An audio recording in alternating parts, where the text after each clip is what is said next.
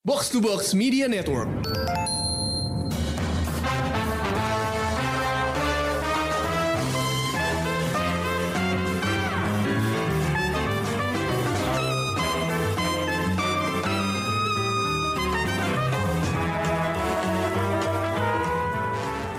Selamat datang di episode spesial Madongsok.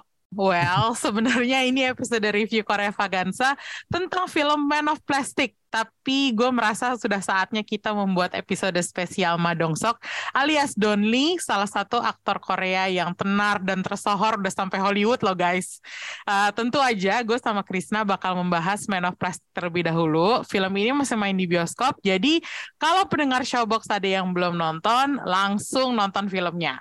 Nonton dulu baru dengerin kita ya, supaya nggak ke spoiler. Meskipun nggak ada spoiler yang gimana-gimana banget kok uh, ceritanya Man of Plastic nih lumayan menarik ya karena gue sih tertarik sama poster di uh, versi Indonesianya yang ada tagline oplas sama opa yuk. Terus uh, entah kenapa lain itu tuh bikin gue penasaran sama filmnya dan uh, jujur gue tertarik juga karena temanya yang membahas oplas. Gue tuh jarang banget nonton film atau serial tentang topik ini. Dulu waktu ada serial Hollywood namanya Nip Nip and Tuck uh, itu rame dibicarain orang, gue nggak ngikutin sama sekali uh, karena memang bukan tema yang uh, apa ya, yang istilahnya menggugah selera gue tuh enggak gitu. Uh, meskipun bahasan oplas itu rame kalau kita ngomongin dunia perkoreaan ya, uh, gue pun nggak tertarik juga untuk menggali lebih dalam sampai ada film ini karena bintangnya juga gitu. Gue pengen nanya sama Krisna, Hmm. Kenapa lo tertarik nonton film ini? Apa yang uh, menarik perhatian lo? Trailernya kah, posternya kah, atau bintangnya kah? Oke, berarti kalau posternya buat lu lokalisasinya berhasil tuh ya? Efektif. Iya. betul betul. Kalau gue sih gara-gara awalnya trailernya dulu sih, gara-gara lihat trailernya nggak sengaja juga ngelihatnya, nggak bukan yang gue nyari gitu, tapi kayak uh -huh. di mm-hmm. Twitter terus kayak di post sama distributornya gitu, terus gue ngelihat trailernya, wah apa nih gitu, terus kayak kok hmm. wah berani banget, tapi yang main Madongsok gitu kan. Iya iya iya. Terus ada satu adegan yang gue ingat ada di trailer itu sebenarnya maksudnya Madongsok tuh kan kita pasti ketika ngomongin Madongsok yang kita ingat bogemnya kan pukulannya. Oh iya betul. nah, ada dia, satu dia muscle man kan soalnya. Iya. Dan ada satu adegan di trailer itu yang kayak dia mau ber diajak berantem mau mukul tapi terus dia malah nggak nggak nggak kayak dia ngangkat tangan doang kayak wah berarti bakal agak beda nih di sini dia gitu gitu itu sih gue gara-gara trailer sih oh oke okay, oke okay. uh, eh, kita sebelum masuk ke bahasan filmnya, kita bahas sinopsisnya dulu ya. Sebenarnya gue heran ya, kalau berdasarkan judul Koreanya, cerita ini lebih fokus sama lokasinya loh, Chris. Karena iya. judul Koreanya tuh Apgujong kan. Daerah itu uh, film ini ya. Iya, Apgujong adalah daerah elit ya, kayak semacam hmm. kecamatan kali ya, apa kelurahan gitu. Hmm. Di Gangnam. Gangnam di Seoul. Terus entah kenapa uh, begitu gue tahu ini settingnya di Abgujong, terus gue langsung mikir ini jangan-jangan orang-orang kayak Madong Stok ini di film ini yang dinyanyiin sama si Sai di Gangnam oh. Gangnam Style.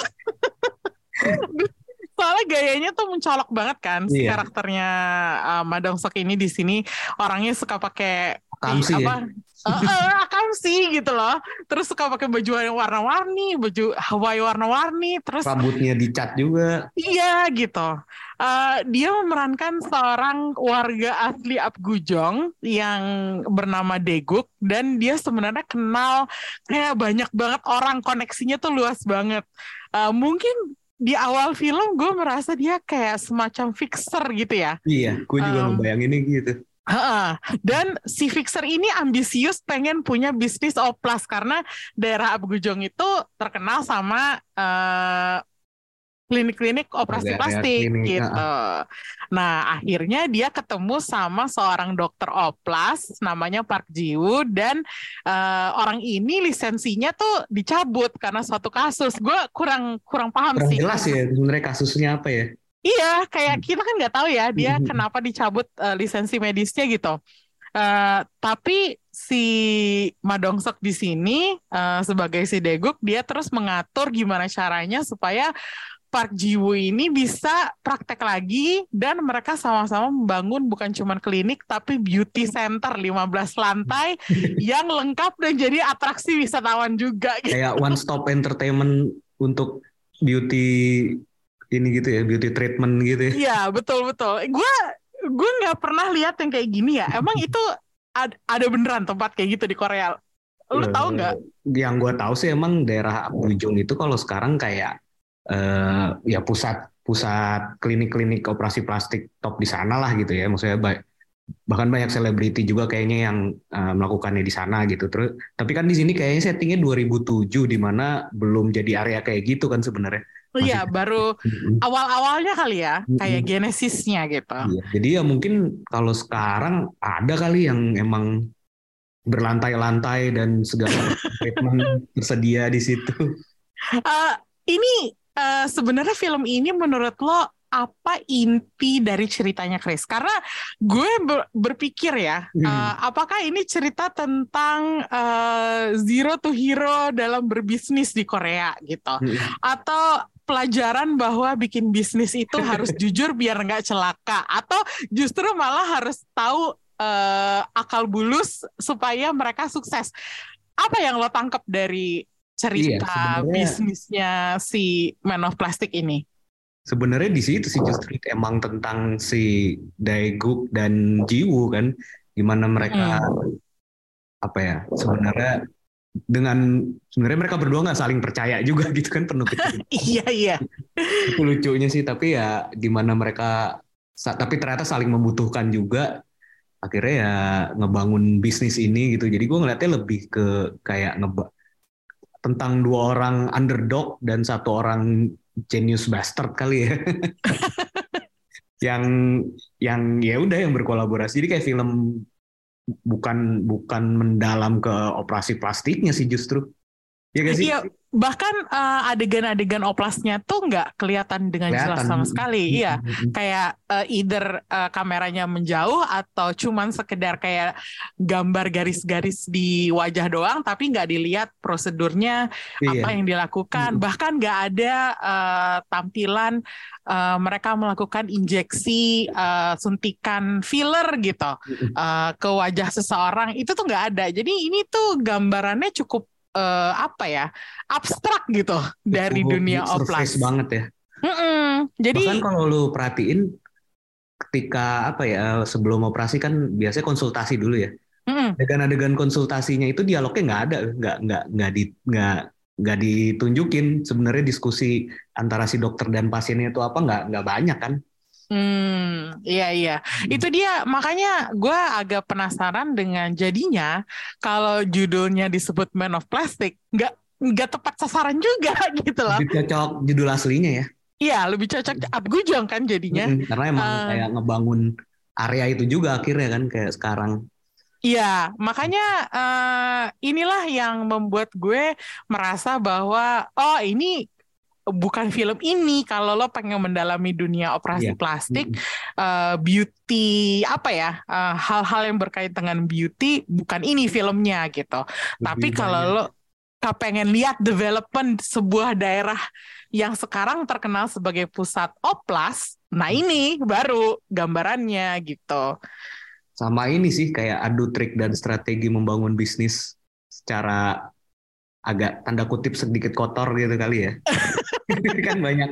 Mungkin itu, iya, itu iya, salah iya, satu iya. sisi serunya juga kan sebenarnya banyak mereka banyak uh, apa ya memain memelintir peraturan gitu kan. Mm -mm, bermanuver kayak bermanuver apa ya eh, nggak uh, sepenuhnya legal tapi dibilang ilegal juga enggak iya. gitu. Nah, termasuk nyari investornya juga kan gimana sih Mandongsoknya ngedeketin investornya itu kan lucu juga kan. Iya itu se sebenarnya salah satu adegan yang paling lucu sih di film yeah. kalau menurut gue. Pas dia ketemu sama si investor dari China, terus tiba-tiba dia ngomong bahasa Mandarin, terus yang bahasa Mandarinnya salah gitu. Itu sebenarnya kayak trope ini tuh udah sering banget dipakai gitu ya. Mm -hmm. Kayak apa sih salah ngomong bahasa asing, mm -hmm. tapi entah kenapa karena Madongsok yang melakukan, jadi jadi hasilnya lucu banget. Um, Kalau menurut lo tentang chemistry-nya Jung Kyung Ho sama Ma Dong Sok sebagai Park Ji Woo dan Daeguk tuh gimana, Chris? Karena kalau buat gue, Hmm. eh, menurut gue mereka nggak langsung dapet gitu. Chemistry-nya agak lambat dibangun. Oh, kalau kalau menurut gue justru chemistry mereka berdua itu kayak justru salah satu kekuatan utama film ini sih. Maksudnya Iya, pada akhirnya pada, pada akhirnya menjadi kekuatan. Tapi entah kenapa kalau buat gue startnya agak lambat ya. itu menurut gue justru ampuh gitu ya untuk nunjukin naik turunnya hubungan mereka gitu kan. Sebenarnya emang penuh kecurigaan gitu kan, jadi terasa gitu kan. Eh, Hmm. maksudnya si Dongguknya itu, si Daiguknya itu kan ngedatengin Jiwu, Jiwu secara tiba-tiba cuman karena dia temen kakaknya apa kayak gitu-gitu kan. Itu juga nggak- cerita itu tahu lah. bener apa enggak. Iya ceritanya nggak jelas banget gitu. Kayak Dan- apa? Tiba-tiba di kamar mandi terus udah gitu Iya. di- dicegat gitu ya. Ngarang-ngarang ya itu sih menurut gue terasa mereka bahkan setelah bisnisnya berjalan pun terasa kan mereka tetap ada saling curiga atau apa ya karena dimulainya juga dengan dengan apa ya bukan memang orang yang dipercaya gitu. Iya, Dia nah punya reputasi yang kotor juga gitu kan. nah itu dia kalau menurut gue eh, si Jung Kyung Ho ini kan eh, lulusan hospital playlist ya. Iya, jadi dokter Terus- lagi di sini dia. Ah, jadi dokter lagi di sini. Tapi di sini dia nggak kelihatan dokter sama sekali loh. Kayak gayanya tuh kayak gaya lebih gaya selebriti flamboyan gitu loh Iya, dibanding sih seorang kadang dok- juga Iya, iya itu tuh eh, sebenarnya menurut gue karakternya lumayan kompleks ya karena Hmm. eh, sebenarnya dia cuma dokter oplas yang pengen eh, balik kerja lagi gitu. Iya, pengen. tapi dia punya ambisi pengen jadi terkenal dan apa ya ini Dia eh, ini juga sama ambisi pengen ngalahin klinik yang mecat dia kan. Nah, itu dia. Tapi itu nggak terlalu difokusin juga sama ceritanya kan, Chris. Kayak adegan adegan dia apa ya memenangkan eh, persaingan dengan si klinik lamanya itu juga nggak gitu di highlight kalau Hmm. menurut gue. Dia karena banyak masalahnya juga ya sebenarnya di belakangnya kan. Jadi Mm-mm. kayaknya nggak menang-menang. Ya dia tahu lah itu ada risiko besar di baliknya gitu kan.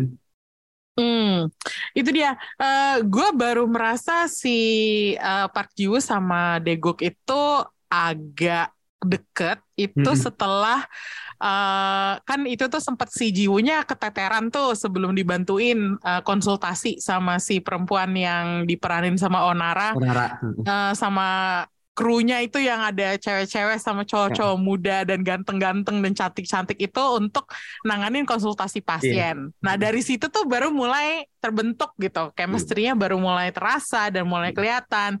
Eh, itu puncaknya sih kalau menurut gue adegan mereka ke spa atau sauna bareng, terus Oh. mereka peluk pijit-pijitan peluk-pelukan dari belakang sampai ke gap sama waiter dan di situlah gue baru ngeliat oh cocok juga ya mereka jadi screen partners gitu Ya itu terasa gak sih ininya apa progresnya gitu. Menurut gua sih justru oke. iya Mm-mm. eh, sampai Kayak- pada akhirnya mereka saling mereka udah percaya terus tiba-tiba turun lagi jadi saling nggak percaya itu Diadu domba. eh, itu naik turunnya bagus banget Iya. Eh, dan lo sebenarnya menebak gak sih bahwa mereka tuh diadu domba Ketebak lah. oh ketebak ya Iya. Cuman Soalnya gue rada kaget. tokohnya itu yang lumayan gua kaget. Pelakunya yang terlibat. Oh oke, Mm-mm. bahwa ternyata itu komplotan ya. Iya. Nah itu gue juga nggak nyangka karena ya oke mereka pasti di apa ya diadu domba Mm-mm. karena mungkin mereka terlalu kuat gitu. Mm-mm. Sama-sama jadi kayak apa namanya DVD et impera gitu kan ceritanya. nah eh, tapi eh, ternyata yang melakukan adalah tiga orang eh, Satu saingan sih yang mm, yang dua nggak Ya. kaget tapi yang satu itu sih. Nah, yang satu itu juga agak-agak lumayan mengagetkan kan, karena dari awal kita udah lihat mereka semua bareng-bareng gitu. Iya. Mm. Eh, Sama apa? itu tadi ngomongin momen yang tadi lu sebut itu juga Mm-mm. gini sih. Jadi terasa akhirnya mereka chemistry-nya kuat itu kayak akhirnya si Jiwoo-nya mengakui kan kalau si Daeguk ini eh, memang pintar gitu kan. Nggak, Hmm. salah-salah ngebangun bisnisnya gitu. Memang tahu apa yang mau dia lakuin gitu. Termasuk dengan ngajak karakter si Onara itu kan si Mijung ya namanya gue lupa. Iya, Mijung, ha. Tapi sebenarnya kalau menurut lo, Chris, apakah film ini selucu itu? Karena gue merasanya film ini di market marketingnya tuh adalah sebagai komedi. Medi. Mm. Tapi dibilang lucu banget yang kayak extreme job gitu enggak. Karena kan gue em, abis nonton gue laporan sama Ulil kan. Terus Ulil nanya apakah eh, levelnya sama sama extreme job. Itu udah udah kayak pertanyaan standar yang kita semua ngebandingin film-film komedi Korea itu komedi Korea kita pasti bandinginnya sama extreme job. Kalau menurut lo apakah emang dibilang komedi atau menurut lo ini sesuatu yang lain tetap komedi sih menurut gue cuman memang yang nggak yang se absurd atau segoblok itu gitu. Yang dia nggak yang tiap menit tiap detik selalu komedi gitu kan. Maksudnya ada momen-momen yang ya nggak nggak selalu komedi lah menurut gue sih. Terutama pas bagian-bagian bisnisnya gitu kan. Perjal apa maksudnya operasional bisnisnya kan kadang nggak komedi juga cukup serius di situ gitu kan Hmm. jadi ya tapi tetap domi tetap komedi sih kalau menurut gue menurut lo nggak ya Karena menurut gue ini film ya lebih tepatnya gue pengen Drama. bilang ini dramedi gitu, drama Iya, komedi gitu. benar. Ha, Bukan pure komedi yang hahaha kalau Hmm. Extreme Job sama misalnya 645 itu 645. jelas komedi banget gitu. Iya. Sementara film ini le- eh, porsi dramanya cukup besar sampai eh, gue nggak pengen bilang ini 100% komedi gitu. Dan kalau menurut gue fokusnya jadi benar kata lo eh, tentang gimana mereka membangun bisnis dan partnership dua orang ini Deguk sama Jiwoo gitu. Mm-mm. Akhirnya ini bukan tentang oplas, bukan tentang komedinya, tapi tentang ya hubungan dua orang yang bertolak belakang aja Iya. jadinya gitu. Iya nggak sih? betul betul bertolak belakangnya mereka itu justru yang akhirnya saling ngisi gitu kan Mm-mm. Tapi apakah ada hal-hal yang bikin lo merasa film ini ada bagian yang kurang? kurang hmm ya paling itu sih agak tanggung ya eksplorasi sisi industri operasi plastiknya gitu padahal kan di sini banyak melibatkan hal-hal yang uh, berbahaya juga kan kayak ada obat ilegal ada mal praktek ada sampai ini apa kayak dokter yang ternyata yang melakukan tuh tidak sesuai perjanjian kayak gitu-gitu kan Iya, Ghost Nah, Doctor. Ah, Ghost dokter bener. Itu kan sesuatu yang lumayan gelap ya sebenarnya lumayan dark gitu. Mm-mm. Nah, ya mungkin karena mungkin filmmaker si sutradaranya pengen konsisten di jalur drama komedi yang warna-warni gitu ya. Jadi kurang nanggung sih tapi menurut gue harusnya ya nggak perlu terlalu dark lah tapi ya ditunjukin lah konsekuensi dari penggunaan hal-hal ilegal itulah. Iya gak sih? Iya, betul juga sih. Karena itu yang bikin gue akhirnya agak gregetan karena akhirnya gue nggak merasa dapet apa yang dijanjikan sama tagline-nya. Karena kan tagline-nya seperti yang kita bilang tadi itu Iya. adalah oplas sama opa yuk gitu. Mm-mm. Nah, oplasnya itu malah jadinya bukan fokus, bukan sentral dari ceritanya. Harusnya Dan- berbisnis bareng yuk gitu ya. iya, harusnya harusnya tagline kayak gitu bener. Bisnis apa? eh, buka bisnis bareng yuk sama opa. Em, tapi kalau boleh eh, milih bagian yang menonjol buat lo eh, selain dari mm, partnership antara Deguk dan Jiwoo, ada lagi nggak? Gua sebenarnya karakter salah satu karakter yang paling mencuri perhatian di gua di sini karakter Onara sih. Karakter Oh. iya. Kenapa tuh? Eh dia bisa mengimbangi Daiguk gitu gak sih dari sisi ininya liciknya, sisi pintarnya dalam ngebangun bisnis segala macam dan dia sama struggling ya kan. Makanya mereka Oh, iya iya ya, iya iya. gabung jadi kayak banyak momen-momen yang melibatkan Onara tuh lumayan mencuri perhatian gue sih sama mungkin kalau satu scene tertentu gue inget ada klip promosi pas kliniknya baru buka gitu terus si Mhm. Onara sama si Jungkung si Jung Kyung Ho nya nari-nari nyanyi-nyanyi itu gue suka banget sih lagunya gue suka terus nari-narinya suka dan mereka karena ya kayak mostly aktor-aktor Korea ya jebolan teater kan jadi emang suara mereka juga bagus gitu Bagian itu gue juga suka sih tiba-tiba Iya bikin kan? video klip gitu. tiba-tiba jadi musikal gitu kan Hmm. dan serius digarapnya walaupun cuma berapa menit gitu kan Hmm. Iya iya iya. Sebenarnya lo lo nyebutin Onara ya. Kalau gue justru eh, oh yang satu lagi, Oh Yonso. Yonso. wah itu Yang- cantik banget sih dia di sini Iya cantik banget ya di sini. Dan yang karena kan terakhir gue nonton dia tuh di Cafe Minamdang. iya Dan Bentar ya. eh, maksudnya kalian udah, udah dengerin kan komplainan gue tentang Cafe Minamdang bahwa Oh Yonso di situ meranin karakter yang harusnya polisi, tapi kok sikapnya tuh nggak kayak polisi sama sekali gitu. Iya. Jadi di di sana tuh lebih apa ya? eh, lebih lebih sembrono atau miscasting gue nggak ngerti deh. Tapi di sini dia cantik banget, berwibawa, terus apa ya punya Mm-mm, cocok sama perannya Karakter. dia gitu. Eh, dan gue merasa bahwa meskipun perannya dia minor, maksudnya bukan peran utama, Iya. Eh, karismanya keluar Mm-mm. gitu. Dan apa ya? Gue seneng aja salah satu dialog dia yang bilang, eh, lo mau gue ngomong sama eh, si Polisi ya? komisi Iya si apa namanya komisioner polisi atau sama istrinya gitu. Terus udah gitu mereka berdua ah ngomong ke mistressnya aja. Oke, ya udah gue akan ngomong sama eh, si komisaris polisinya gitu. Terus yang berdua itu kayak ulang lagi iya ngulang lagi. Belum nangkep Iya. maksudnya bang- maksudnya bahwa dia adalah si mistressnya gitu kan. Iya. Dia adalah selingkuhannya. Itu entah kenapa eh, dialog itu gue Iya. suka banget itu, dan itu kome apa momen paling lucu di film ini buat gue itu sih oh itu ya. Iya. gue baru inget ya itu lucu sih. Gue lumayan pas pas ngehnya kan reaksi mereka cuman oh cuman cuman main ekspresi min- minim doang gitu kan. itu itu gue suka banget sih. Termasuk si Oyon Seo juga cuman kayak ngodein di mata gitu kan. Heeh.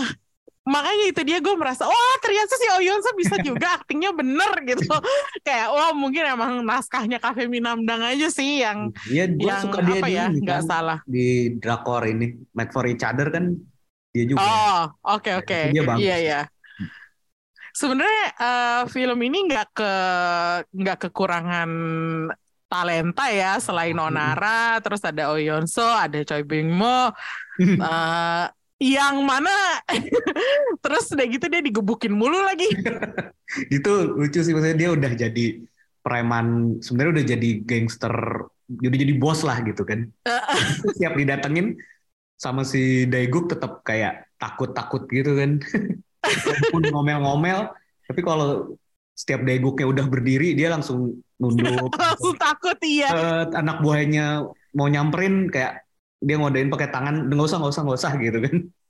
Itu gue gue belum pernah ngelihat dia se se sangar ini apa ya bukan bukan cuma sesangar ini tapi kayak sepayah ini gitu. Oh, iya atau mungkin gue jarang nonton dia di komedi kali. Karena kan Iya. biasanya dia nggak main Serius. komedi ya. Ah, ah, ah. biasanya nyebelin kali ya. Eh, itu dia. Biasanya emang karakternya nyebelin. Terus udah gitu setelah gue nonton film ini Man of Plastic gue jadi kan nama dia Jo Tae-chan kan di sini. Iya.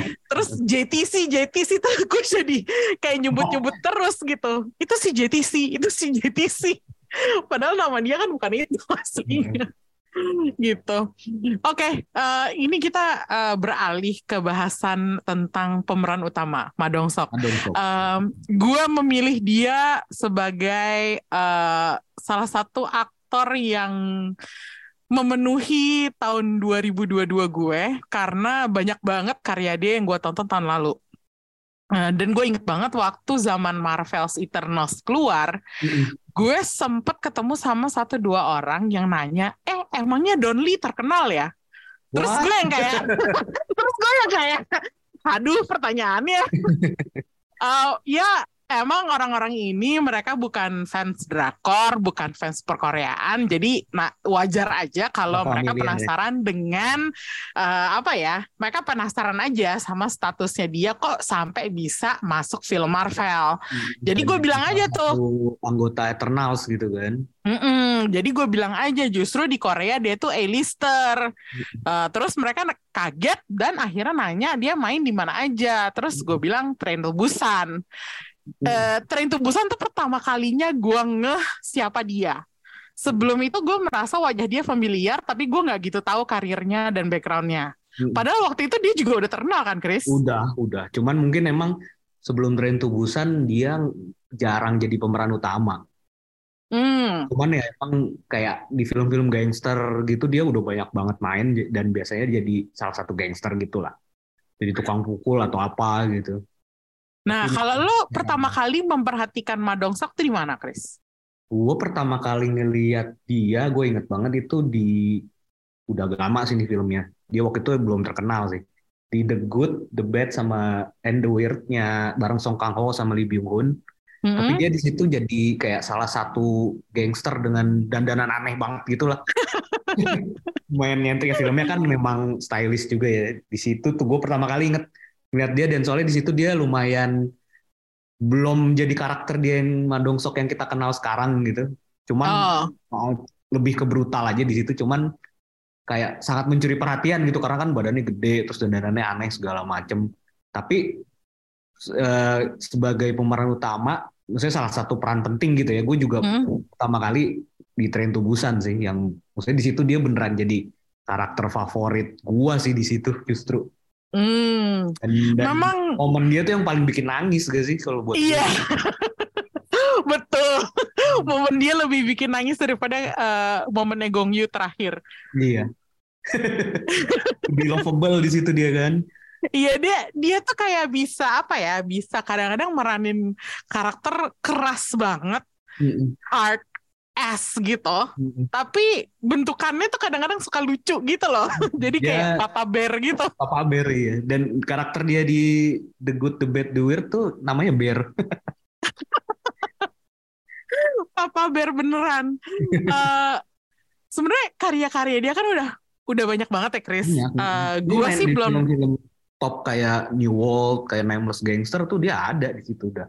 Itu kan hmm. film apa ya film-film salah satu film-film gede Korea di era 2012 2013 gitu kan. Hmm. Nah itu gue belum nonton tuh hmm. makanya sekarang kalau kita ngomongin karya-karya Ma Sok itu hmm. bisa nggak lo sebutin satu karya dia yang terbaik atau terfavorit sampai lo nonton berulang kali? Hmm, Ini selain itu... selain tren tubusan ya. Iya, Kalau iya, tren iya. tubusan gak usah disebut lagi gitu. Uh, favorit gua justru bukan action. Apa tuh? Untuk The Bros. Oh iya Terus betul. uh, drama komedi gitu kan tentang uh-huh. apa ya bisa dibilang perebutan warisan. mm-hmm. Bukan perebutan warisan juga sih. Jadi iya bisa dibilang gitulah.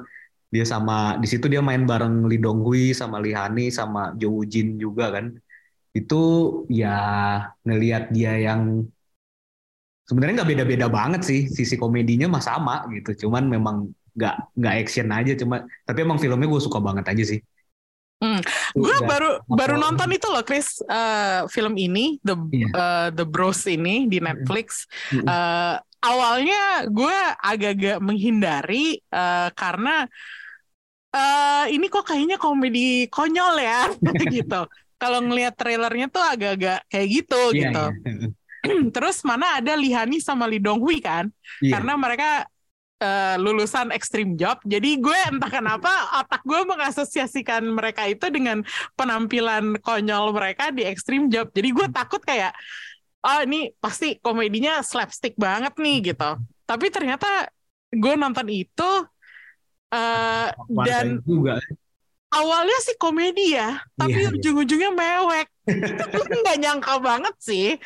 Kayak pas ini yang pas lu tahu siapa Lihani ya. Iya, itu dia. Kayak begitu gue tahu siapa Lihani, terus uh, penggambaran uh, apa ya masa lalu uh, keluarganya mereka. Iya. Hmm, benar. Apa yang ternyata terjadi di balik konflik keluarga itu. Hmm. Itu itu asli gue nggak berhenti nangis 15 menit tau nggak? kayak wow ini ternyata dalam banget gitu nggak heran sih kalau itu jadi favorit lo hmm. kalau lo uh, sebenarnya gue itu juga favorit gue sih The Bros itu tapi kan baru ya yeah. kalau gue ada yang udah gue tonton berulang kali tapi serial lo bayangin nggak oh yeah. serial berulang kali banyak ya waktunya Uh, kebetulan serial ini pendek, cuman 11 uh, episode. Mm -hmm. uh, ini serial dia dari 2014. Bad Guys. Bad Guys. Uh, yang ceritanya tentang sekumpulan kriminal yang direkrut buat tanggepin mm, penjahat-penjahat lain hmm. yang lebih buruk daripada penjahat-penjahat ini gitu. Um, hmm. Sebenarnya gue udah pernah nonton ini dulu di Netflix uh, dan gue nonton itu dua kali di Netflix. Jadi sekarang udah pindah ke Disney Plus, gue tonton lagi hmm. karena gue kangen banget. Disney Plus ya, gue ingetin yeah. Iya dulu di Netflix oh, kan. Oh, dia di net. Sekarang di Disney Plus. Oke. Okay. Uh, nah itu entah kenapa karakternya dia di sini gue cukup suka sih. Hmm. Uh, dan di sini terlihat bahwa Madong Sok tuh bisa banget teamwork sama ensemble cast. Jadi yeah. dia nggak membanting lawan mainnya, tapi malah bisa ngangkat mereka. Hmm. Hmm. Dan uh, serial ini kan punya sequel ya, yang berupa sebuah film uh, Bad Guys Reign of Chaos tayang di 2019 yang sekarang kalau mau nonton bisa tonton di uh, sewa atau beli di YouTube atau video gitu itu uh, bisa lo temukan di situ um, dan di situ pun meskipun sama orang-orangnya beda karakter uh, castnya beda dia tetap stabil penampilannya sama gitu. Hmm. Hmm. Jadi emang ya emang inilah dia good team player lah ya. Ya, good team player dan apa ya? Uh, ini lucu juga. Gue temuin uh, ada drakor dia yang lain yang juga dia available. Jarang loh main drakor kan? Iya, iya. Tapi Jauh ini kebetulan kebetulan ada dua drakor dia yang sekarang bisa ditonton di Disney Plus. Hmm. Ya Bad Guys sama Squad 38. Nah, di Squad 38 itu dia karakternya berbanding terbalik sama karakter dia di Bad Guys. Uh, dia orang pajak terus naif, kerjanya hmm. ditipu melulu dan di Squad 38 dia harus kerjasama bareng kon artis yang diperankan sama So In Guk dari hmm. Cafe Minamdang. Nah terakhirnya si So In Guk tuh masuk penjara. Di penjara si So In Guk tuh hampir dibunuh. Tapi dia diselamatin sama orang yang mukanya sama si uh, mukanya tuh mirip sama si om-om pajak itu. Nah terakhirnya si orang yang nyelamatin dia itu bilang e, enggak gue bukan orang pajak.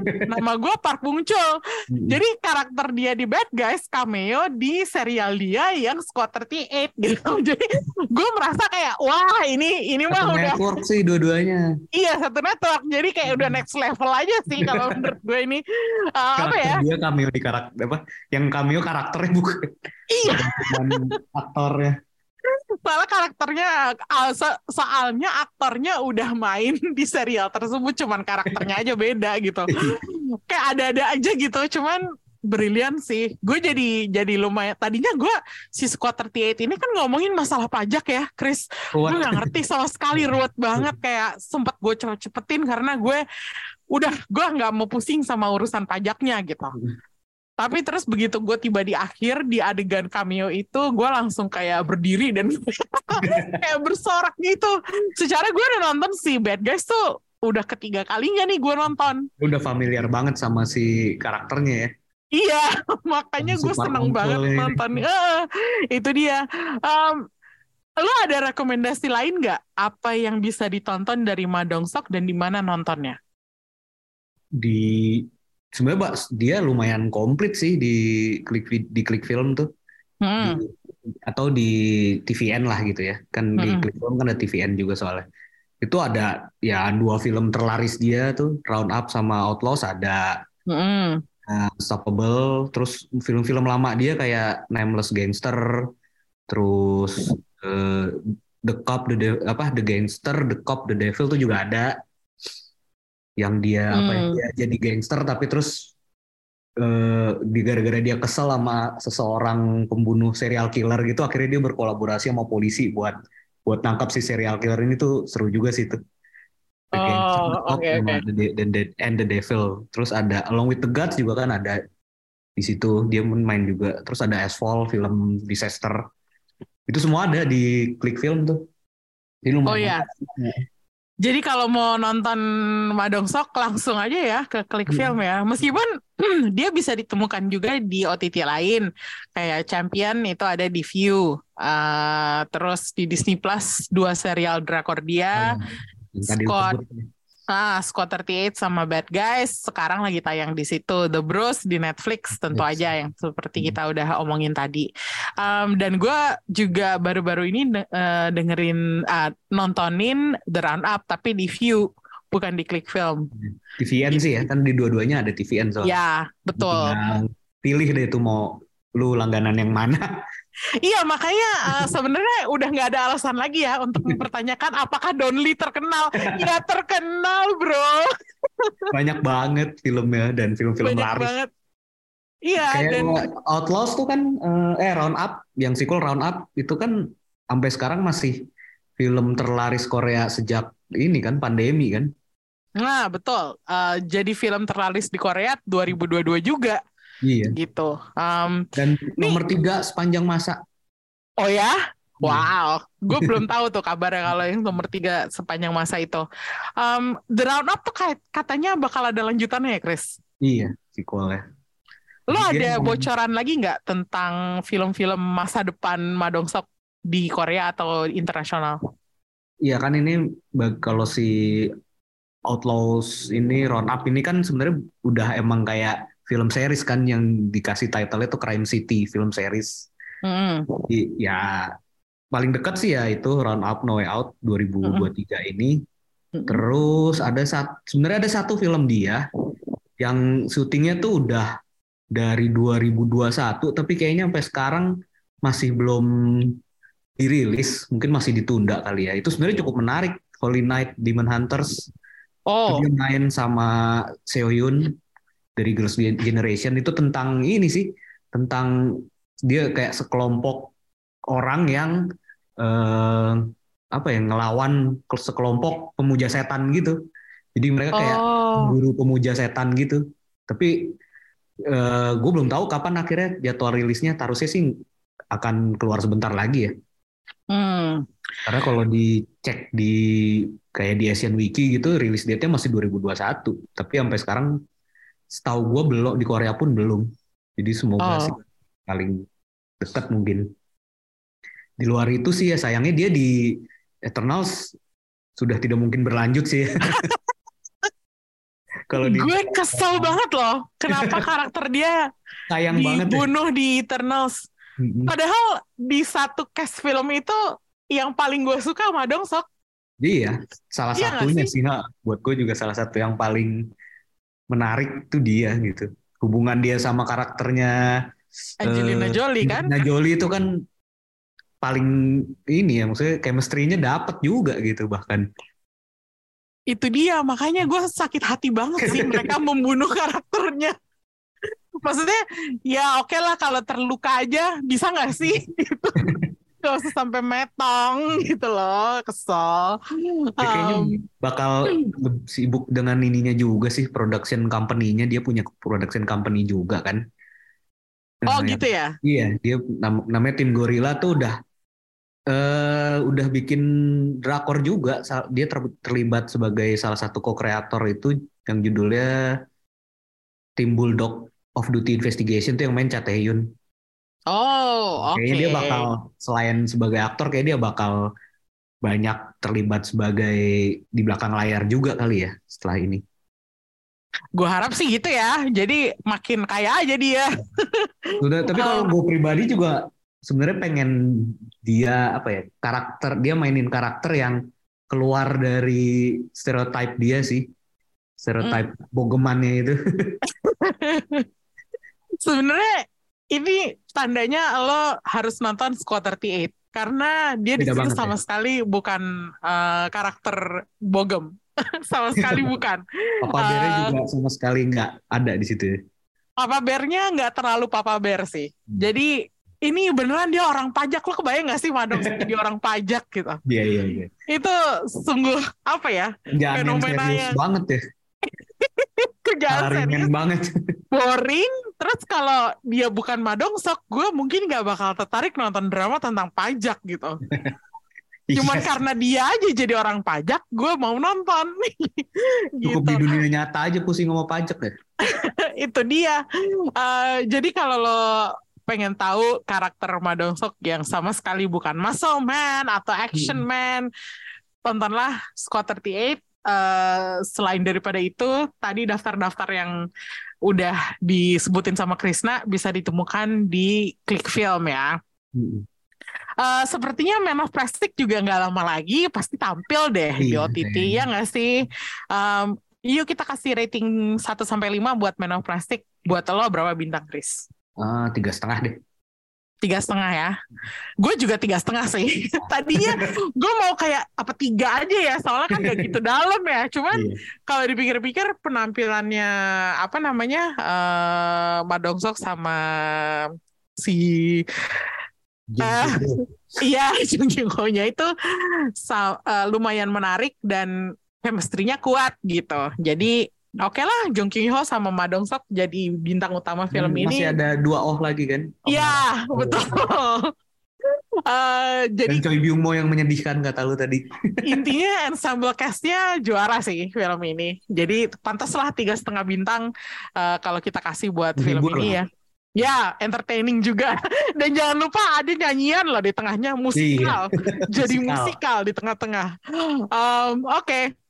begitulah tadi review kita tentang Menoplastik dan highlight tentang karir Madongsok.